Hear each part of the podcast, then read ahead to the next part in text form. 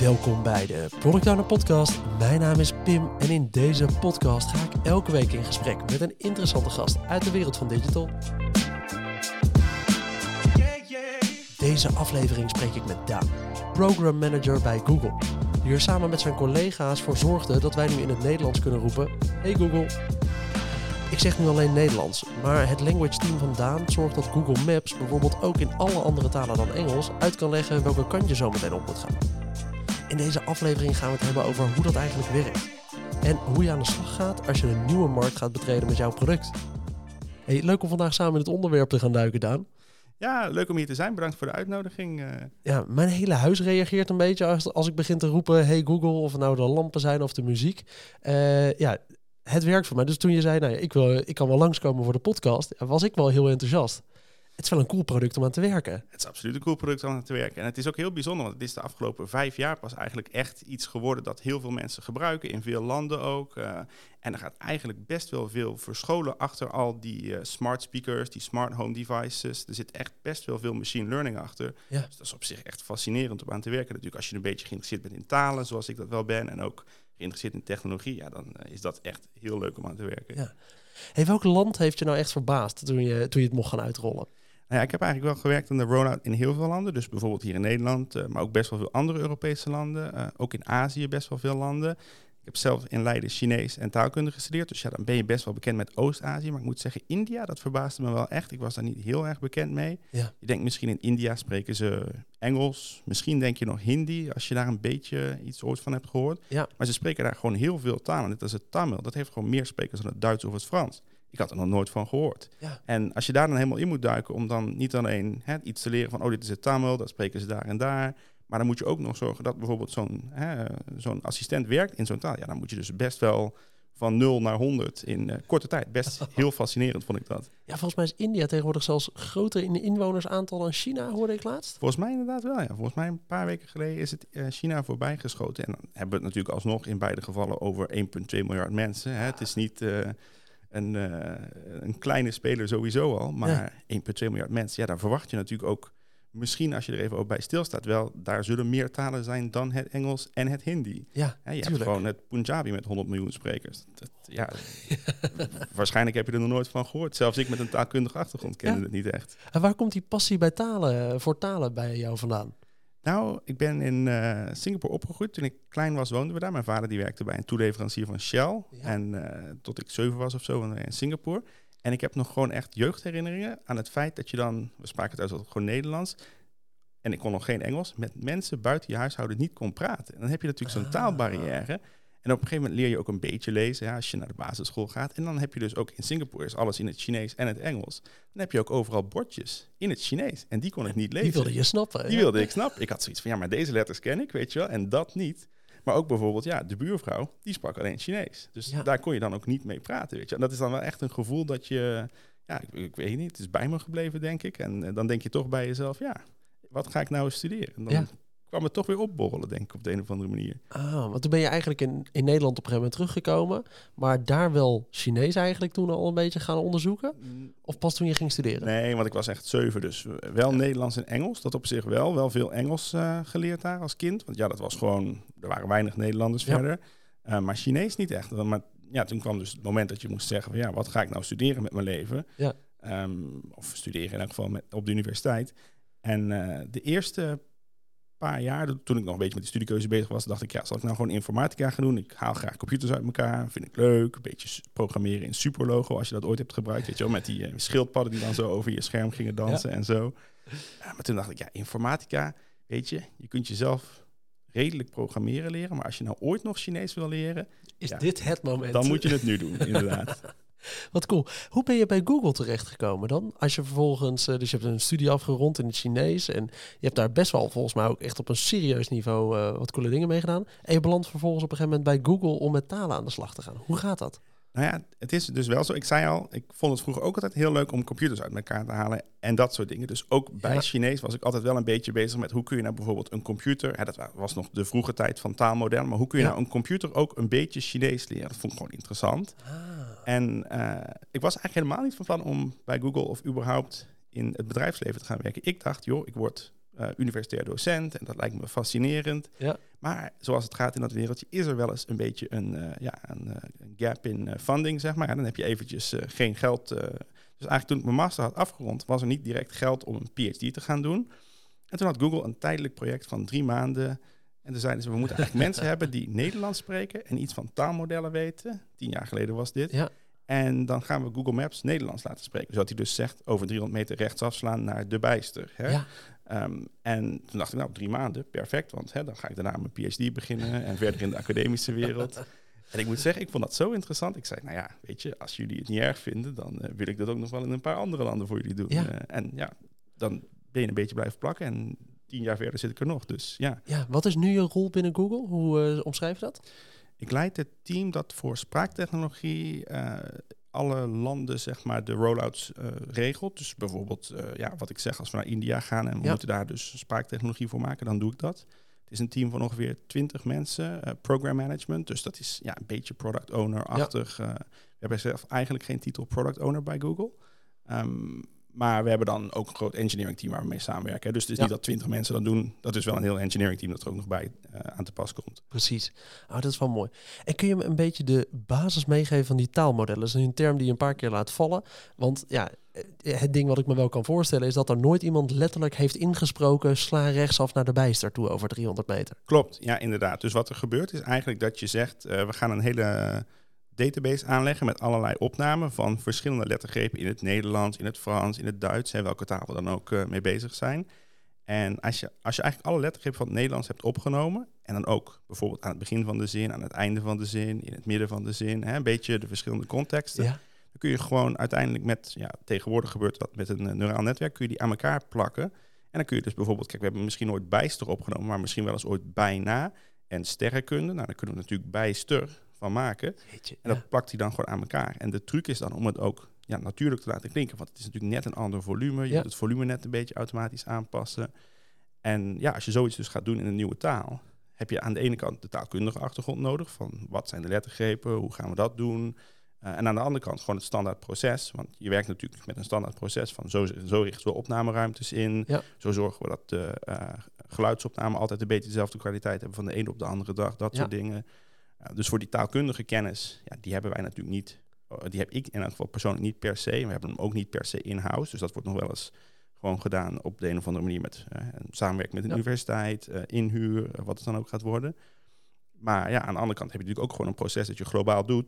Die stemmen die moeten ja, ongeveer dezelfde geluidskwaliteit hebben, et cetera. Dus Ja. Is nog wel eens een uitdaging, want ja, je hebt niet altijd een opnamestudio hè, in uh, Kenia bijvoorbeeld, waarvan je kunt zeggen, oh, die is uh, precies volgens de, De Google-standaard. de eisen zoals wij het graag zien. Dus uh, ja, dat is heel interessant om daar. Maar er is dus wel iemand in Nederland die heeft in principe de stem van de Nederlandse Google. Uh, er zijn meerdere stemmen van de Nederlandse Google. Dus je kunt bijvoorbeeld. Uh, waar, er, ja. zijn, er zijn meerdere stemmen die je kunt kiezen. Maar dat, dat zijn inderdaad mensen die gewoon. Uh, ja, stemacteurs. Hè, dus die, die, die hebben dan ingesproken inderdaad een paar weken. En uh, je kunt niet heel veel opnemen op een dag. Want het moet wel echt allemaal op uh, redelijk uh, hoog niveau. goed, Ja. goede kwaliteit en zo zijn. Maar ja, dat wordt inderdaad dan gewoon opgenomen. En dan gaat daar een algoritme naar kijken. En dan maken we er zo'n taalmodel van. Dus Wat cool. ja, heel interessant. Als je technologie en taal leuk vindt. Ja, dan, zit dit het, op een mooie as er precies tussenin. Oh, dit vind ik wel leuk om te begrijpen. Je gebruikt het in een soort van... eh, ja, je hebt het gewoon geaccepteerd dat het werkt.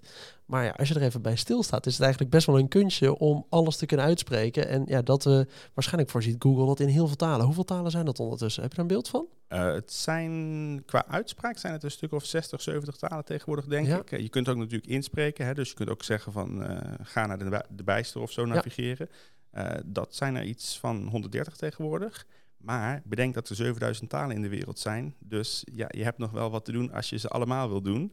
Uh, en daarom is het ook wel belangrijk wat ik net zeg. Je gaat natuurlijk met lokale kennis en Ja. hè, die expertise van uh, hoe zit die taal in elkaar, wat zijn de lettergrepen, Ja. et cetera, ga je aan de slag. Maar je moet ook juist een globaal proces hebben dat je heel makkelijk kunt uitrollen. Hè? Gewoon een handleiding dat je zegt, nou, we gaan dit uh, voor die taal doen. Nou, zo doen we dit gemiddeld voor elke taal. Ja. Er zijn natuurlijk af en toe uitzonderingen dat we zeggen, oh ja, we moeten dit een beetje aanpassen. Maar je hebt gewoon een, een handboek liggen van, nou ja, zo doen we dit in elke taal. Ja. En dat proces moet redelijk vlot lopen. Kan wel eens zijn dat ze zeggen, nou ja, dit moet over een paar maanden klaar zijn. Ja, dan gaan we niet natuurlijk alles hè, helemaal vanaf nul uh, opzetten. Dat Ja, wordt precies. gewoon volgens een standaard proces gedaan. Ja, neem me daar eens in mee. Want ik kan me voorstellen dat eh, in Silicon Valley zit ergens het besluitnemingsproces waarschijnlijk eh, van, eh, van Google. Daar wordt eigenlijk gezegd, nou we gaan eh, Kenia toevoegen of we gaan India toevoegen. Eh, dan krijg jij het, eh, het berichtje van eh, Daan. eh, we willen die, eh, die markt zo meteen ook gaan betreden hiermee. Hoe, hoe werkt dat vanaf stap 1? Wat, eh, waarmee ga je aan de slag als je zo'n eh, nieuw land moet gaan toevoegen? Nou ja, het is denk ik, eh, dan, dan kun je misschien wel zien dat ik ook nog eh, geesteswetenschappen heb gestudeerd en geen informatica. Ik, ik begin altijd graag met de achtergrond die ik heb en de aanpak die ik heb gebruikt toen ik ook Chinees leerde, begin ik altijd graag met wat hebben we nu precies voor ons liggen. Hè? Dus ik zeg bijvoorbeeld India. Nou, wat Ja. zijn de talen van India? En welke talen van India willen we überhaupt toevoegen? Dat is natuurlijk eh, niet per se direct duidelijk wat ik zeg. Misschien ja, Punjabi, het, het zou mij niet direct te binnen schieten. Dus je begint eigenlijk, of ik begin altijd met echt even onderzoek naar, oké, wat is die markt? Hoe ziet dat eruit? Eh, en dan ga je daar een beetje op inlezen en ook kijken, oké, hebben we eventueel collega's die er iets van weten? Het is natuurlijk een groot bedrijf, natuurlijk wel een van de voordelen van eh, werken bij zo'n groot bedrijf. Er zijn toch wel vaak collega's, misschien hè, spreken ze Punjabi, maar werken ze op een hele andere afdeling. Nou ja, Ja. prima. Toch even met ze gaan zitten en vragen, hoe zit dit nu precies voor jou? Eh, wat zijn bijvoorbeeld de dialecten waarvan je zegt, oh, dat zou wel geschikt zijn en dat niet. Hè? Bijvoorbeeld Ja. In Nederland zou je eerder verwachten dat hij ABN spreekt dan echt Brabants met een zachte G. niet hè, op zich, ik bedoel, ik kom ook Ja. uit een Brabants gezin en we spreken thuis ook zo, maar dat zou je Ja. toch niet verwachten, zeg maar. Het zou, ik zou het verdacht lastig vinden als Google inderdaad in plat Brabants terug begint te praten. Ja, maar ja, dat, hè, stel dat in het Nederlands is dat natuurlijk heel vanzelfsprekend dan, maar eh, ja, in het eh, ja, Punjabi is dat mij niet direct duidelijk, zeg maar. Dus je gaat echt even zitten met mensen die daar iets van weten. En eh, als je dat helemaal hebt gedaan, ja, dan is het een kwestie van hoe zit dit logistiek in elkaar, hè? Kunnen we de apparatuur daar krijgen? Kunnen we de apparatuur lokaal gebruiken? Hebben we die al? Eh, dat, dat soort vragen ga je dan stellen, zeg maar. Ja, en dan is het ook wel echt naar, eh, naar India toe, kan ik me voorstellen. Dus ondertussen, je hebt dat wat vooronderzoek gedaan. Je bent gaan kijken met collega's, wat gebeurt er nou eigenlijk in zo'n land? Hoe ziet voor ons als Google eigenlijk zo'n land als India eruit? Hebben we daar een office staan en hebben we daar een opnamestudio? Ga je er ook zelf naartoe? Eh, vaak wel, niet altijd, maar eh, vaak wel. Dus in India hebben we bijvoorbeeld veel kantoren. Daar kunnen eventueel lokale collega's het ook doen. Hè. Dus dan eh, kunnen we natuurlijk gewoon met ze bellen en videobellen en even zeggen... nou jongens, dit is de playbook, ga er even doorheen. En Ja. dan kunnen we eventueel nog een keertje komen als er vragen zijn. Maar in principe kunnen ze daar dan al vroeg mee beginnen. Ja. Maar ja, soms is het ook juist weer dat we geen lokaal kantoor hebben... of dat er in elk geval geen technische expertise is. Dus dan eh, ja, wil je er nog wel eens naartoe gaan... Als je er naartoe gaat, vind ik het altijd heel fijn om in het vliegtuig bijvoorbeeld even een boek mee te nemen. Waarvan je dus ook echt. Het gaat niet per se over de talen, maar het gaat gewoon even over het land. Ja. Eh, wie is überhaupt de president? Eh, hoe ziet het geschiedenis eruit? Eh, Ja. ja, dat Je moet er een beetje feeling voor ja, je moet een krijgen. beetje begrijpen waar je naartoe gaat. En ook eh, als, je- als je zo- zo'n heel projectteam gaat opzetten. Kijk, als jij daar binnenkomt en je weet eigenlijk weinig van de hele achtergrond.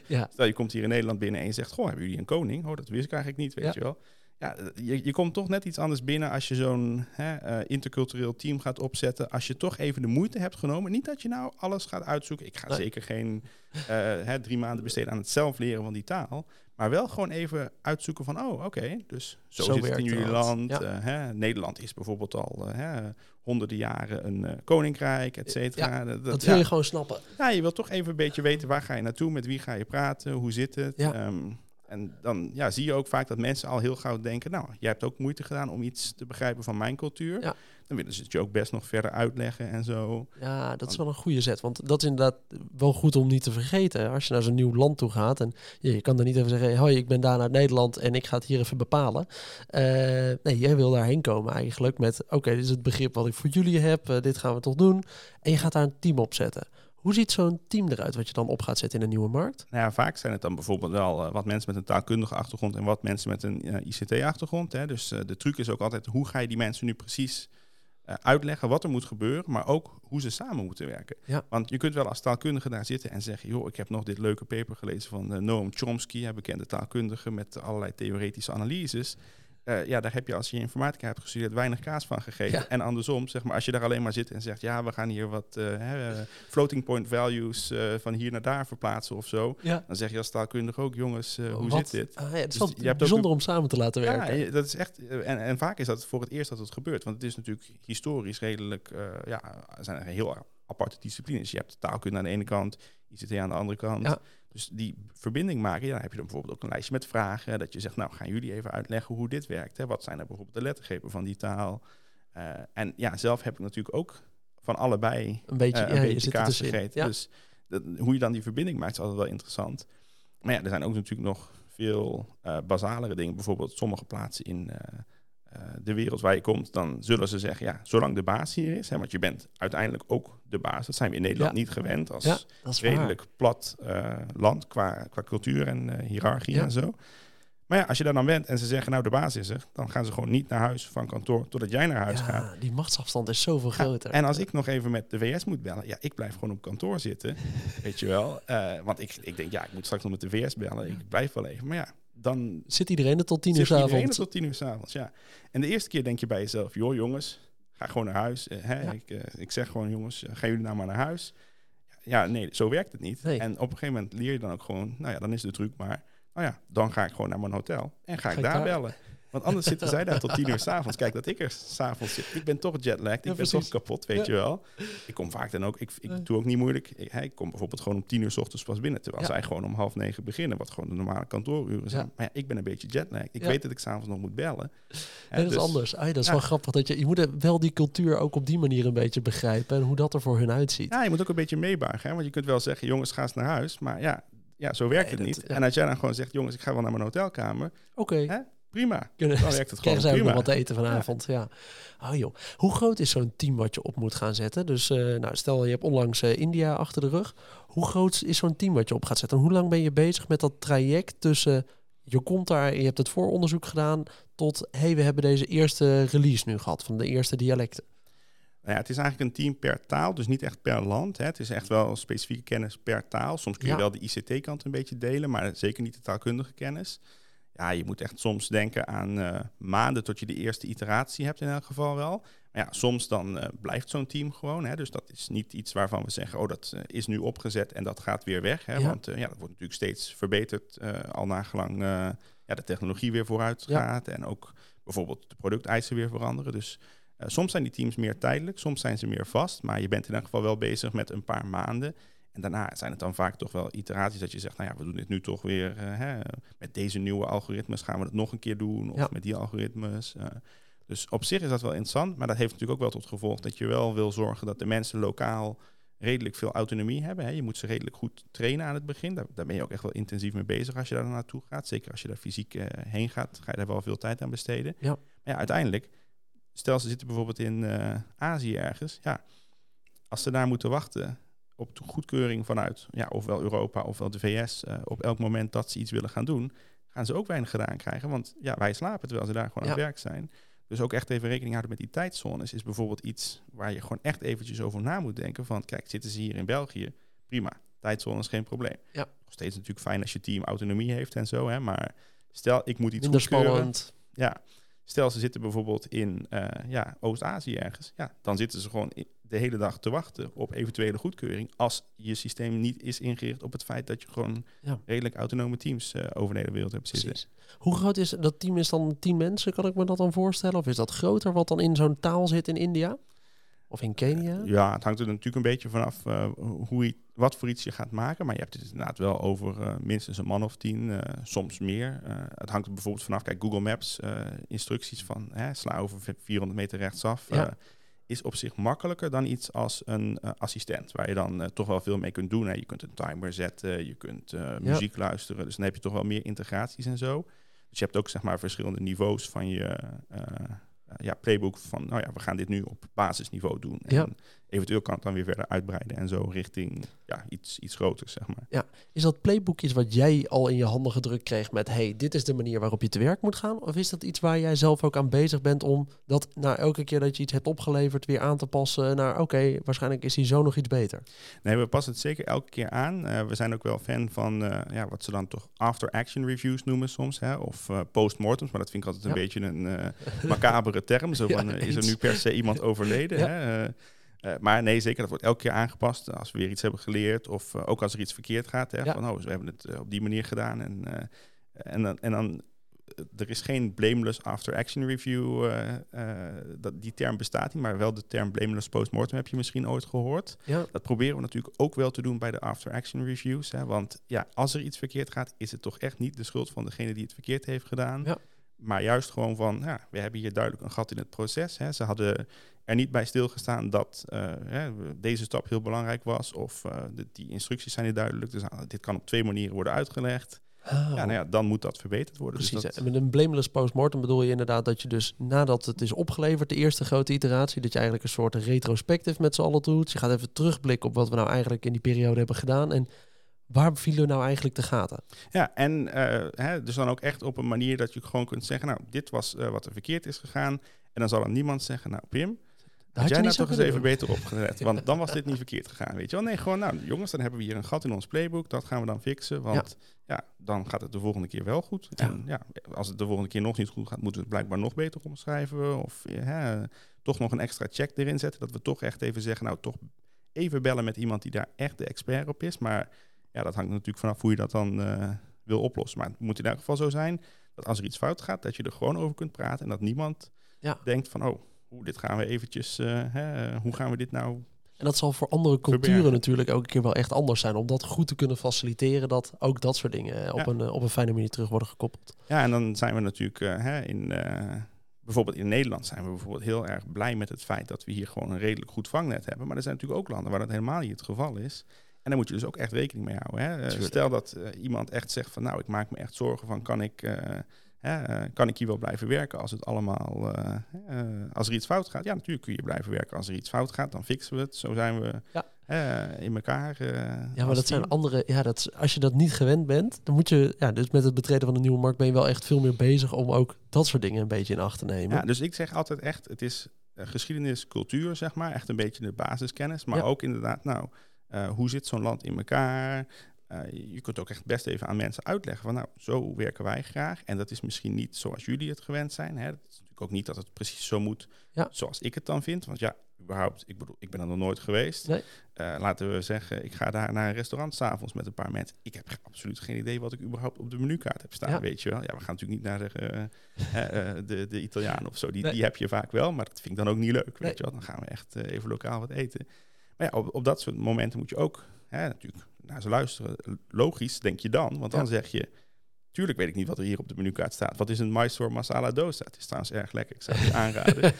Eh, maar ja, ook op momenten dat ze zeggen... joh, kijk, wat je nou zegt klinkt goed, maar hè, dat gaat hier niet helemaal werken, want Ja, zus of zo. Ja, nou ja, dan moet je ook luisteren. Hè? Want je kunt wel zeggen, ja, maar ik doe dit al heel lang. ja, Ja, maar je hebt het toch echt nog nooit in deze setting gedaan, weet je wel? dat is wel mooi. Nee, dat is denk ik de hele. Ik denk dat dat een hele goede nederige eh, manier is om erin te stappen. Want je, ja, eh, het slechtste wat je kan doen is erheen gaan en, en denken dat jij alles al weet.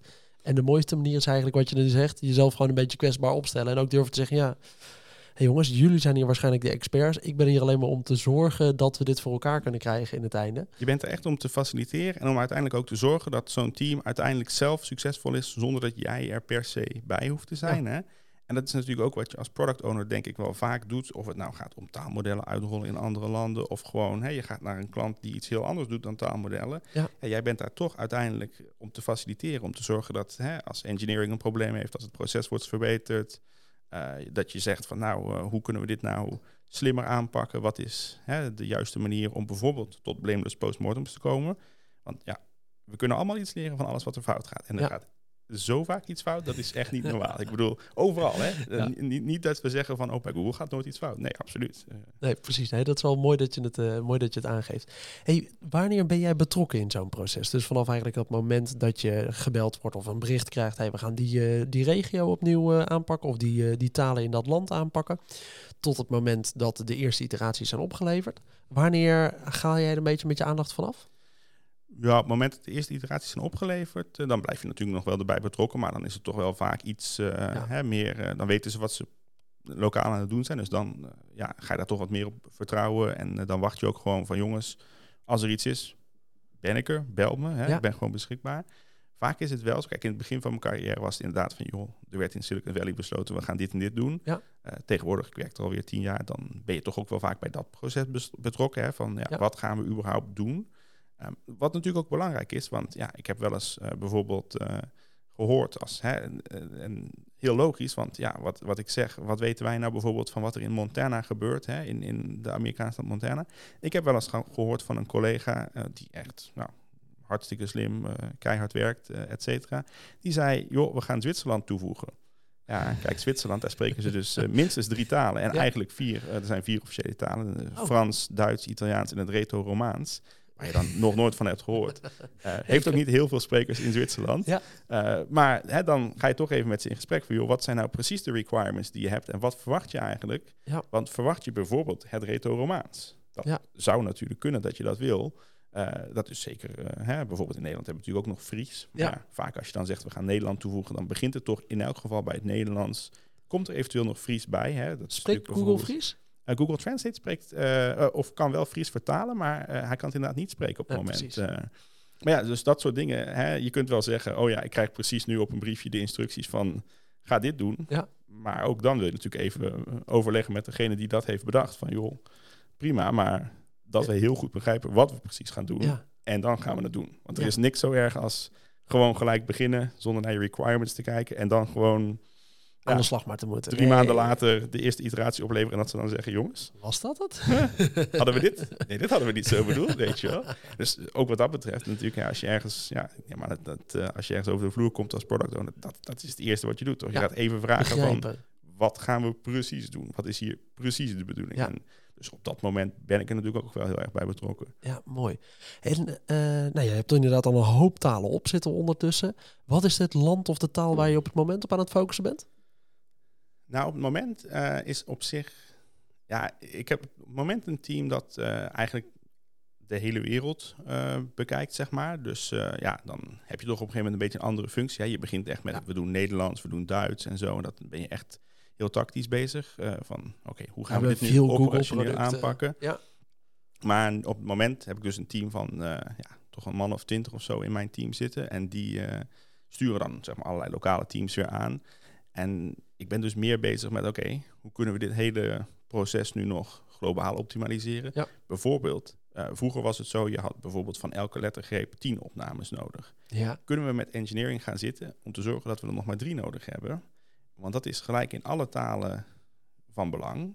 En dan kunnen we dus bijvoorbeeld weer meer talen met hetzelfde budget doen, et cetera. Dus je moet een beetje, eh, ja, op een gegeven moment groei je natuurlijk een beetje door in je carrière. En Ja. dan heb je zoiets van, ja, weet je, ik kan nu nog wel vier talen gaan doen. precies. Wat ook leuk is, maar Om te faciliteren dat de rest het uiteindelijk weer kan doen. precies. En je legde dat voor de opname eventjes uit. Want inderdaad, in, die, in zo'n opnameboot, je gaat dus focussen op lettergrepen. En je hebt iets om te zorgen dat je alle lettergrepen van een taal te pakken krijgt. Ja, dus je hebt eigenlijk wat dan heet een, eh, een corpus, een, een database van zinnen in een taal. Ja. En daar doe je dan een analyse van. Dus je zegt, oké, nou in het Nederlands komt bijvoorbeeld de lettergreep herfst redelijk weinig voor. Ja, komt, het woord herfst komt wel vaak voor, maar Ja. lettergrepen die eindigen op rust zijn Ja. redelijk zeldzaam in het Nederlands. Alleen herfst eigenlijk. Ehm, dus je gaat zo'n database door en je zegt, oké, wat zijn nou de lettergrepen? Hoe vaak komen ze voor en zo? En dan is het inderdaad gewoon, ja, dan is er een stemartiest die eh, zo'n taal spreekt. Of er zijn vaak meerdere stemartiesten, voor, ook voor de diversiteit en zo. Ja. Ehm, en ja, die heeft gewoon een soort van eh, autocue voor zich staan in een opnamestudio met, eh, ja, lees deze zin voor. Dat is overigens erg moeilijk als je dat ooit zelf wil proberen. Ja. Ehm, het, is namelijk, het zijn geen zinnen die aan elkaar aansluiten. Nee, Het gaat er gewoon om, we moeten nu deze lettergreep hebben, we moeten nu die lettergreep hebben, et cetera. Dus kunnen leest- vreemde zinnen zijn. je leest geen verhaal voor. En dat is heel moeilijk, want je bent natuurlijk normaal gewend om al zo'n ja, autocue, als je dat doet, Ja. toch wel iets coherents voor te lezen. Ja. Um, dus ook echt aan mensen uitleggen, eh, ja, nee, kijk, het is gewoon de bedoeling dat je nu hè, eh, eh, deze zinnen voorleest. Ja, dat ze niks met elkaar te maken hebben, is geen bug. Weet je wel? Eh, dus Ja, dat is wel leuk. Ik kan me Ja. wel iets bij voorstellen wat voor vreemde zinnen dat oplevert. ja, op zich zijn de Ja. zinnen individueel niet zo heel gek, Nee. maar het zijn gewoon, zeg maar, als je gewoon hè, een aantal zinnen willekeurig achter elkaar gaat plakken, dan krijg je echt op een gegeven moment, je wilt toch een verhaal erin zien. Hè? Mensen zijn altijd wel geneigd om naar een eh, ja, soort verhaal te zoeken in alles wat ze tegenkomen. Hè? Je, je loopt buiten rond en je ziet een wolk en je denkt, goh, die heeft precies eh, de vorm van een palmboom. Ja, het is Ja. natuurlijk niet een, een wolk die heeft gedacht, ik word een palmboom. Eh, dat, dat gaan we niet Dat is toch wat we, wel wat we als mensen doen. Ah, dat is wel cool. Ik vind het heel leuk om hier wat meer van te begrijpen. En ik vind het ook leuk wat je net hebt uitgelegd rond het stukje hoe je nou naar zo'n markt toe gaat. Je moet je gewoon wat voorbereiden. Je moet je ook jezelf een beetje kwetsbaar opstellen. Je moet ook durven vragen. Je moet het specialisme zoeken binnen je organisatie en niet denken dat jij het weet. Eigenlijk is dat misschien wel de kern die het belangrijkste is als je zo'n nieuwe markt gaat betreden. Klopt dat? Ja, denk het wel. Ik denk het wel. Eén ding waar we het eigenlijk niet over hebben gehad, maar wat ik ook wel heel belangrijk vind, is de systemen die je gebruikt om informatie tussen je teams te laten roleren, zeg maar, of, of te laten uh, lopen. Ja. Dus uh, dan heb ik het bijvoorbeeld over, kijk, we zijn allemaal wel eens ergens binnengekomen en, en, we hebben gezegd, jongens, waar is hier de spreadsheet met alle tasks hè, die we nog gaan doen? Of Ja. ja. misschien gebruik je Jira, geen idee wat je Ja. gebruikt. Ehm, als zo'n systeem goed in elkaar zit, geeft dat ook veel meer autonomie aan de lokale teams. Want die kunnen gewoon precies zien waar zijn alle andere teams mee bezig. Hè, waar is bijvoorbeeld, ze hebben een dependency op eh, één engineering team dat gewoon niet lokaal is, maar dat is gewoon een global engineering Ja. team. Kunnen zij precies zien, oh, dit is wat er daar nu gebeurt, weet je wel. Als je zo'n systeem goed in elkaar zet, heeft iedereen individueel veel meer zicht op wat er allemaal gebeurt, hoe het allemaal zit. Als je zo'n systeem niet goed in elkaar zet, heb je allemaal hè, bugs die hier nog zitten, die daar nog zitten. Niemand die weet überhaupt wat dat andere team aan het doen is, Ja. want ze zitten niet naast elkaar. En dat heb je natuurlijk ook eh, vaak gezien de laatste jaren met alle thuiswerken, et cetera. Ja. Heel veel organisaties zijn niet ingericht op het feit dat je niet per se altijd naast elkaar zit. Maar als je zoiets doet als wat wij dan doen, ja, dan zitten we sowieso Zit niet naast overal? elkaar. Ja. Wat voor ge- tool gebruik je dan? Ja, we hebben intern iets zoals Jira, dus dat eh, hebben we dan. Maar we hebben gewoon ook heel veel, eh, bijvoorbeeld SQL databases, waar we gewoon automatisch bijhouden. Hè, we hebben een tool waar dan alle opnames in worden opgeslagen. Dan hebben we gewoon een SQL database en dan kun je gewoon even een query schrijven en zeggen, oh ja, hoeveel zinnen hebben we nu? En dan hebben we dus gewoon een dashboard van, oké, nou ja, we zijn nu bij zoveel lettergrepen in deze taal, et Ja. cetera. Je kunt dat wel handmatig gaan bijhouden, Nee, maar, Maar dat werkt. Ja. dat gaat er niet worden, want dan wordt het toch altijd die informatie die wordt outdated. Het wordt even niet bijgewerkt, want het is een feestdag in Nederland, eh, in, Ja. in Frankrijk, wherever. Ja, dat gaat hem niet worden. Het moet gewoon automatisch en correct zijn. Ja, dat vind ik wel een mooie dat je deze nog eventjes aanstipt. Want het gaat er inderdaad om dat je met dit soort dingen dus ervoor kan zorgen dat je niet zelf meer degene bent die beslissingen moet nemen, maar dat mensen zelf ook iets kunnen inzien en zelf ook durven op basis daarvan door te gaan. Eh, want ja, dat heb je wel nodig, want je hebt niet meer de tijd als je in zoveel markten zit om je overal bij te betrekken en overal eh, een ja of oké op te gaan geven. Ja, en natuurlijk wel, hè, het is natuurlijk wel belangrijk dat je zegt van nou, hier wil ik wel een oké op zeggen. Hè. Ja. Dus dat kun je ook, op zich is dat ook wel iets grappigs eh, wat je dan op een gegeven moment leert. Eh, op een gegeven moment wil je gewoon zelf, in, in het begin ben je misschien gewend van nou, laat het maar even allemaal naar mij komen, weet je wel. En dan zal ik het wel eens zien. Maar op een gegeven moment leer je gewoon, nou jongens, ga je gewoon even expliciet een gesprek aan met iemand van dit wil ik zo op deze manier delegeren. Hè. Dus ik wil bijvoorbeeld wel horen wat er gebeurt, maar een FYI is genoeg. Ja. Of je zegt, nou, ik wil dit echt gewoon specifiek heel precies nakijken voordat ik het goedkeur. Of ik wil niet eens een FYI, het is prima. En Ja. als je dat ook überhaupt aan mensen expliciet even zegt, dan denken ze bij zichzelf, oh oké, Oh. zo wil je dat, weet je wel. Ja. Dat, dat, ja, je kunt dat misschien verwachten dat het vanzelf spreekt, maar Het is helemaal belangrijk inderdaad als je naar andere culturen toe gaat. Dat je, daar kun je er al helemaal niet van uitgaan dat ze in dezelfde standaard daarin zitten als jij. Dus ga het gewoon expliciet uitleggen wat je wel en niet verwacht. ja, vindt niemand vervelend. Als je dat gewoon aan mensen uitlegt en zegt, joh, hier wil ik graag een FYI van, hiervan wil ik gewoon eh, alles precies zien. Nou, oké, dan weten ze wat je wil. Ja. En hè, dan hoeven we ook geen eh, verwachtingen te hebben dat er iets gaat gebeuren wat niet gebeurt omdat mensen andere verwachtingen hebben en zo. Eh, maar ja, ook dat moet je natuurlijk wel weer eventjes aanpakken. Dat je niet daar gaat zitten en zeggen van, hè, zo moet het precies. Ook weer met die, kwetsbaarheid die we, Ja. waar we het over hadden. Eh, maar ik vind het altijd wel heel interessant hoor, als je dat dan zo ziet. En ja, je komt natuurlijk ook op veel plekken. Je leert van veel culturen wat. Ja. Eh, dus eh, ja, ik moet zeggen, als je dan zoals ik taalkunde en computers Leuk vindt, leuk vindt, ja, Dan zit je hier vermaak je je wel. Ja. Mooi. Ik vind het leuk. Laten we eventjes naar de, de grote lessen van de aflevering toe gaan. Eh, in wat jij ondertussen allemaal wel niet hebt geleerd over het eh, betreden van nieuwe markten. Wat is nou de tip die je eigenlijk op een post-it aan mensen zou willen meegeven? Ja, ik zou toch wel zeggen, die eh, kwetsbaarheid, dat je echt gewoon ook toegeeft van, joh, kijk, ik weet best hoe dit proces werkt, abstract. Ja. Maar ik weet niet hoe dit proces werkt als we het hier nu gaan toepassen. En ik weet ook niet hoe de setting hier precies eruit ziet. Ik heb natuurlijk wel wat gedaan om het te proberen te begrijpen. Maar ja, je, als je goede mensen aanneemt, en dat is natuurlijk ook nog hè, iets waar je ook eh, Ja, eh, boeken over kunt Ja. lezen en eh, van alles. Maar als je goede mensen aanneemt, dan is het eigenlijk meer een kwestie van hoe zorg je dat zij succesvol zijn. Hè, je geeft ze die guidance, je geeft ze die playbooks, je geeft ze die dashboards, je geeft ze dat alles. En je geeft je verwachtingen. En dan ja, moet je natuurlijk even bijsturen waar nodig, et cetera. Maar ja, die kwetsbaarheid en juist zeggen van, nou ja, waarschijnlijk is iedereen hier in deze ruimte een grotere expert op, dit, op een bepaald gebied dan ik. Ja. Dat moet je echt doen, want Ja, je weet het gewoon niet. Ja, dat is echt klasse. Is er ook iets waarvan je zegt, dit moet je vooral niet doen als je naar het buitenland toe gaat met je product? Wat je hebt geleerd, daar heb ik mijn kop tegen gestoten. Die wil ik je eigenlijk nog wel even meegeven. Nou ja, ik, heb er zelf gelukkig nooit mijn kop tegen gestoten. Maar je ziet wel eens in het vakgebied, eh, zeg maar, er zijn natuurlijk heel veel eh, taalmodellen, taaltechnologie tegenwoordig. Je ziet wel eens dat mensen gewoon denken, oh ja, alle talen werken ongeveer zoals het Engels. hè? eh, of zoals de markt waar je oorspronkelijk in bent begonnen. Ja. Nou ja, stel bijvoorbeeld, je gaat woorden tellen. Hè? Je hebt natuurlijk in veel tekstbewerkingssoftware kun je zeggen van, nou, ik wil even de woorden tellen in dit document en Ja. het moet 500 woorden zijn. Het Chinees heeft geen woorden, want er zijn karakters en er zijn geen spaties tussen karakters of niks niet.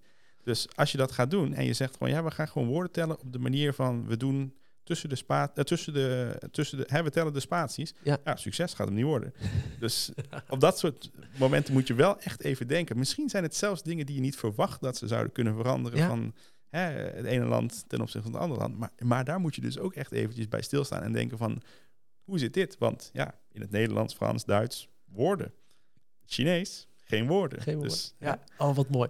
Ik vind het echt een leuke aflevering, Daan. Ik vind het cool om wat meer te begrijpen van ja, wat er nou eigenlijk gebeurt op het moment dat mijn navigatie tegen me begint te praten. Of als ik s'avonds vraag of dat de lampen wat gedimd mogen worden. Echt eh, heel leuk om je hier gehad te hebben.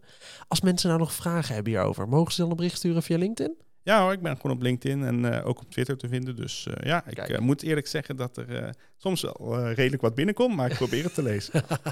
nou ja, nou, we begrijpen dat er veel binnenkomt, Daan. Maar als mensen in ieder geval, die mogen het in ieder geval even een poging geven. dan kun je even een bericht sturen naar Daan van S op, op LinkedIn. Dan wil ik iedereen weer bedanken voor het luisteren naar deze aflevering van de Product Owner Podcast. Vond je dit nou een leuke aflevering? Vergeet dan niet om onze podcast een review te geven in je favoriete podcast app. Heb je nog vragen of opmerkingen voor mij? Stuur me dan vooral een berichtje via LinkedIn, dat is Pim Pot, of op pim.productowner.nl. En dan hoop ik dat je de volgende keer weer luistert. Tot dan!